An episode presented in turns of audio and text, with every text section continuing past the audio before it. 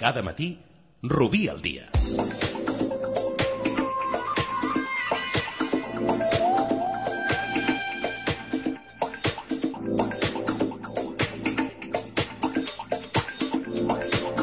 Iniciem, atenció, la cinquena temporada d'Entrevins. Jo era conscient que és una secció que ens acompanya des de fa força temps aquí al Rubí al dia, però ahir per qüestions que no venen al cas em vaig adonar que començàvem la cinquena temporada d'aquest espai dedicat al, al vi i a tots els productes o a tot allò que ho envolta i que fem en col·laboració amb Bodega Rosàs i amb el Maria Rosàs. Hola Maria, bon dia. Molt bon dia. Déu-n'hi-do, eh? Sí. 100 anys. Això, si fos un, un noviazgo, ja seria com una cosa seriosa, eh? Consolidat, sí. Avui parlem, lògicament, estem al setembre, de la verema, no? Sí, època de barema, de fet aquest any ja, ja fa dies que estem de barema, ja, ja s'ha avançat doncs, per les condicions climàtiques. I bueno, si, veiem, si ens passem una miqueta pel Penedès, Vilafranca, sense dormir veurem doncs, que els tractors no paren i, i hi ha molt de moviment. Sí, caravanes i aquestes coses, eh? Que hi ha de vegades... Eh, influeix molt la climatologia, de fet la gent que s'hi dedica controla prou el temps com per a mitjans de les vacances ja saber si serà una barema doncs, eh, tardana o no en funció de com ha anat el temps, no? perquè això és una, una qüestió de que el raïm estigui al punt i de vegades està al punt abans del que fora previsible, vaja, per dir-ho d'alguna manera, no? Sí, de Que és fet, el que ha passat aquest any. Exacte, sí. A causa del, del que és la- l'escalfament global, eh, sí que és veritat doncs, que aquest any eh, s'ha avançat d'un promís entre 4 i 5 dies el que és la, la, la barema. Uh -huh, Val. no és gaire, no? 4 o 5 dies. Mm, Bueno, però sí que totes les previsions eh, s'apuntava doncs, a principis una miqueta més enllà i bueno, aquest estiu calorós i de fet tot, tot aquest hivern també bastant sec i de més doncs, ha, ha fet doncs, que eh, el, el raïm com a tal estava ja madur abans d'hora i, i, i s'ha tingut de, de collir. Tot i així, eh, sí que és veritat doncs, que el, el cep ha patit un, un fort estrès hídric doncs, que en part va bé no? per concentrar-lo i perquè eh, la qualitat sigui superior, però per contra la quantitat és, és inferior. Estem, aquest any estem parlant en el còmput global de la península ibèrica és, el, el decrement és, és, és baix, és sobre un 5% si arriba i a Catalunya, bueno, falta confirmar-ho finalment, eh? però sí que s'està parlant, o, o igual que l'any passat, perquè hi ha zones doncs, que sí que han produït més, per exemple, la zona del costers dels Segres hi ha un increment d'un 10% aproximadament, eh? això són dades que encara no, no s'han tancat, però sí que, per exemple, el, el Penedès, que és la principal àrea de, catalana, doncs sí que hem vist que s'ha vist una miqueta més marmada. És que no, ha- no, no ha plogut ni de broma al Penedès. No, no. És que Ah, ni de casualitat. El que ha anat molt bé han sigut les últimes pluges del mes de- del mes d'agost, perquè sí que realment, si ens passàvem a principis d'agost, finals de juliol, veiem uns grans que eren, bueno, eren, que feien pena als pobres, i que gràcies a aquestes pluges de- de- d'agost doncs sí que els hem donat una miqueta de, de consistència i, han, i, han, bueno, i s'ha pogut collir un molt bon raïm. Tot i això sí que el Penedès, per exemple, s'ha collit alguna menys, s'està collint alguna entre un 5 un 10%, un 10 menys com a mínim. O sigui que De- de- dades definitives sí. les tindrem eh, A finals de la endavant, sí. no? Uh, parlem de la, del, del procés de, de barema, perquè m'imagino, i de fet tu ens ho expliques moltes vegades quan parles de productes molt concrets, que és diferent i que en funció de com es faci aquest, aquest collir, el, el raïm també tindrem un vi o un altre, a part de les condicions climatològiques, no? però hi ha, eh, hi ha cellers o, o hi ha empreses que ja eh, utilitzen una fórmula més manual, eh, i d'altres que tenen una part mecanitzada, no? Sí, bueno, de fet, aquest any també està sent molt bo a, a nivell, per exemple, per la, que, que és la recol·lecció, perquè com que ara no està fent unes temperatures extremes, això també va molt bé doncs, per a l'hora de recollir el raïm doncs, per evitar oxidacions eh, abans d'hora. Val? Mhm. eh, però sí que és veritat que, per exemple, el, el que... Bé, el que, el que s'han trobat amb, amb aquesta brema és que eh, el, el fet aquest de que, bueno, s'està dient no, que és una barema, per exemple, el, aquí tinc un escrit on el, espera, eh, el, el director tècnic de Remat, eh, que es diu Xavier, eh, el Xavier Ferrer, això, doncs deia doncs, que eh, aquest any ha sigut una barema excel·lent, val? Eh, excepcional. Uh, per què? Doncs perquè ha hagut, uh, això, ha sigut molt calorós, aquesta, uh, aquesta calor ha fet doncs, que no hi hagi humitats i aquestes humitats han evitat, doncs, aquesta falta d'humitats ha evitat que hi hagin mildius i altres ongs, que, fongs que són molt comuns en aquestes èpoques. El que passa és que, clar, també hi ha uns estudis doncs, que ens parlen de, de la maduració del raïm, no només a nivell de, de grau alcohòlic, val, sinó també a nivell de polifenols, és a dir, de, de totes les sensacions organolèptiques, d'aromes i que, que deixen anar. I, així, eh, i sí que ens mostra, mostren que tenen dos tipus de maduresa diferent.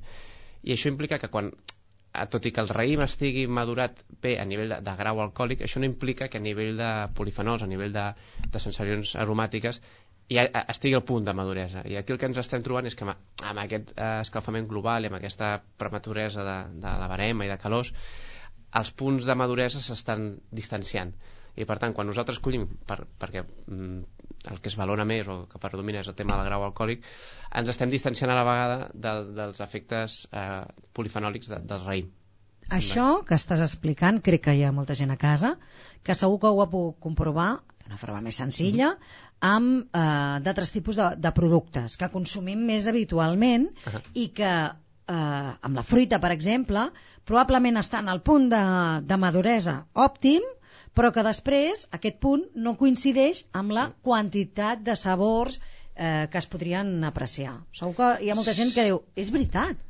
Uh, I la veritat és que... Uh, a veure amb aquests cops, no?, sí. que, que dèiem. És, és un estudi que es va començar a fer, res, uh, el 2008, val? Uh, desenvolupat bueno, pel Centre de, eh, de desenvolupament tecnològic industrial i liderat per, per Bodegas Torres el 2008, però com a conseqüència d'anar veient doncs, aquest, aquestes baremes cada cop més sovint prematures com van ser, per exemple, el 2003, 2011 i ara el 2015. I una miqueta no hi ha conclusions perquè realment hi ha hagut poques baremes i no, no, no, es, pot dir, doncs, no es pot afirmar eh, taxativament, però sí que s'està veient doncs, que aquesta divergència fa de que no és tan...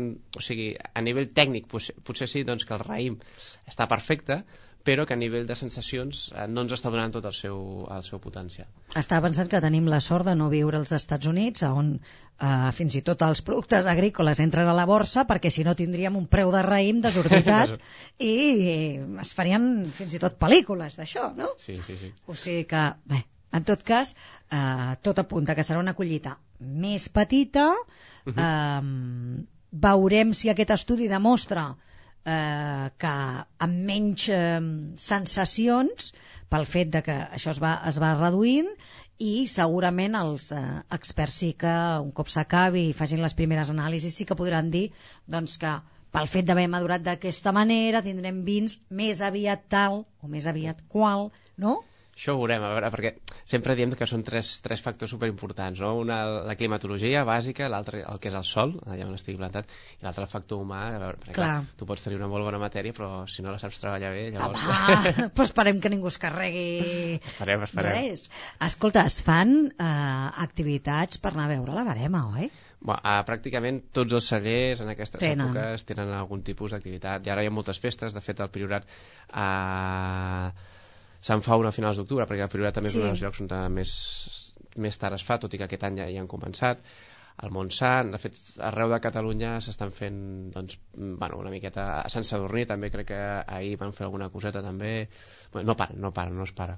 I llavors també volia apuntar un, res, a nivell de curiositat és que aquest canvi climàtic ens està afectant mm eh, que sembla que no, però que cada vegada és, és més important, doncs fa doncs, que ja s'estiguin, o sigui, cellers importants estan ap apostant ja plantant a, a llocs rarament no s'havia plantat mai, que és la Cerdanya, per exemple, ja s'estan plantant ceps i vinyes experimentals per veure l'evolució, i, per exemple, a la zona de Trem, Torres, doncs, ja ha plantat 100, 100 hectàrees, uh, sobre uns 850 metres d'altura, que normalment ningú s'ho plantejaria, però que avui dia ja estem pujant als 800.000 metres d'alçada per arribar a plantar per, per, per una miqueta mitigar aquest efecte del canvi climàtic i que de fet és cert doncs, que a, a països on mai s'havia plantejat aquest aspecte, com podria ser la Gran Bretanya, ara mateix eh, ja hi ha vinyes i ja s'està experimentant amb, amb elles. Vull dir que la cosa va per aquí. I en canvi, a, a climes com per exemple la, la zona de Lleida, de més, sí que s'està fent doncs, per un tema més... Eh, ja es comença a permetre el que és el, el rec, per una miqueta ajudar. De fet, aquest any, eh, si s'ha pogut arribar a, aquests, a aquestes quantitats de producció ha estat gràcies també una mica al rec el gota a gota doncs, que es permeten algunes denominacions d'origen i que com a mínim ha fet doncs, que la vinya no hagi patit eh, tant perquè realment si nosaltres ja patíem imagina't doncs estar-te un parell de mesos sense veure ni gota déu nhi uh, parlem de la barema sí. que veurem diguéssim en forma de vi d'aquí a un temps, però la primera cosa que passa un cop eh, es fa la brema, després ve eh, començar a produir el most, és a dir, most el tindrem aviat, no? Sí, de fet, eh, bueno, tu ja saps que nosaltres com cada any tenim una petita campanya de most, de fet eh, estem esperant que ens arribi el, el most per poder-lo bueno, poder vendre, però esperem que sigui de la setmana que ve o, o cap aquí doncs que... Sí que va ràpid, no? Sí, sí, bueno, és que el most Clar, és, és, és, és immediat. eh, sí, o sigui, és agafar el raïm i prensar-lo perquè el que no es busca la frescor la, de, de, bueno, del raïm, no? Llavors, sí, sí, vull dir, de fet el procés d'entrada a celler és molt ràpid. Eh, hi ha partides que fet ja estan fermentant, vull dir, ara mateix ja estan en dipòsit i ja, estan, ja comencen a fermentar.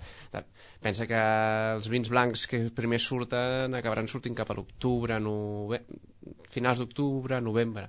O sigui que podem trobar alguns vins blancs de l'any 2015 ja. Què dius? Sí, sí, sí. sí.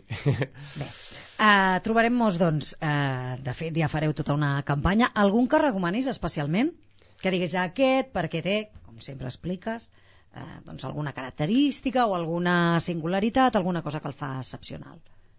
Bé, el most eh, pensem que és el suc de raïm en estat primitiu, o sigui, pràcticament no se li ha mhm. afegit res i a més això sí que anirà una miqueta sobre els nostres gustos eh, avisar doncs, que és una beguda sense alcohol val? sense que, no, no, que la gent no s'esperi i tal, sinó que és una beguda sense alcohol i sobretot tot el que no té d'alcohol ho té amb sucre, és a dir, que és una beguda molt, molt tirant cap a dolça tirant cap a dolça molt bueno, sobre gustos de temes de dolçors aquí sí que no m'hi poso perquè hi ha gent que li encanta, per exemple, que es fiquen tres o quatre arrossos dintre el, el cafè o tal. Jo sóc d'aquells que no me'n poso cap però sí que hi ha molts nivells, per tant jo dic, jo dic que és tirant cap a molt dolç tirant a dolç, eh? vale. i bueno, a mi particularment m'agrada molt el, el que és el blanc. El trobo molt refrescant, molt, el, mos, el mos blanc eh, també és, és, o sigui, no ens espantem, no és com un vi, eh? o sigui, és una, és una cosa, per la gent que no l'hagi tastat mai, que és una beguda molt típica del resta de la península, eh? realment sí, vas, eh? demanes un most i en comptes d'una canya o del que sigui i després també és, eh, bueno, és, és, doncs, és ara no surt la paraula en català, però és turbi, o sigui, és una miqueta... No, no és tan net i clarificat, Clar. vull dir que és una, és una beguda doncs, que encara té les pells, té el tal, i molt sana perquè realment també bueno, l'avantatge per exemple si el fem amb molts negres que ens agafem tots els antioxidants que porta la pell del, del raïm negre i que no porta el, el raïm blanc tot i així, doncs, fresquet, això sí, ben fresquet, eh, que si no... Si no hi ha, no hi ha qui se la passi, eh? Uh, doncs els anirem a tastar, els de Bodega Rosàs, que a més a més recomanable, si ho has de tastar, que sigui un de natural, eh? No aquestes sí. begudes que venen preparades, perquè Sí, no aquestes ben preparades bé, eh? són pasteuritzades Clar. i nosaltres és que una fem, altra cosa. la nostra campanya dura com a molt una setmana perquè és el que intentem i Clar. sempre mantenint-lo en fred per, perquè no fermenti perquè és absolutament natural eh? i sí que de fet si nosaltres per exemple hem guardat alguna ampolla ens comença a fermentar al cap d'un temps comença a fermentar llavors per això dura res una setmana amb sort perfecte doncs, eh, ja que hem començat la secció, preguntarem a la gent coses. Sí. Eh, tindrem aquesta temporada també un concurs. I tant, només faltaria. Doncs vinga, anem al Wine Trivial, que aquesta setmana, no sé per què, em temo que va de la barema. Sí, molt bé. Vinga, què preguntem? Eh, doncs bé, va, és a nivell de... perquè ens fem una idea de números, sempre m'agrada doncs, una miqueta que la gent no? toqui una miqueta de peus a terra i sàpiga per on anem. Doncs quina és la previsió de tonelades de raïm collida a Catalunya aquest any? Vale? Uh, ja diem, serà aproximadament la mateixa que l'any la, passat. O sigui, uh -huh. Llavors, eh, aproximadament, eh? o sigui, no vindrà d'un amunt una avall, eh? O sigui, estem parlant, com sempre, quatre opcions. La primera serien 50.000 tonelades, la segona serien 200.000, la tercera, la C serien 300.000 i l'opció D són unes 450.000 tonelades de, de raïm collit. Molt bé.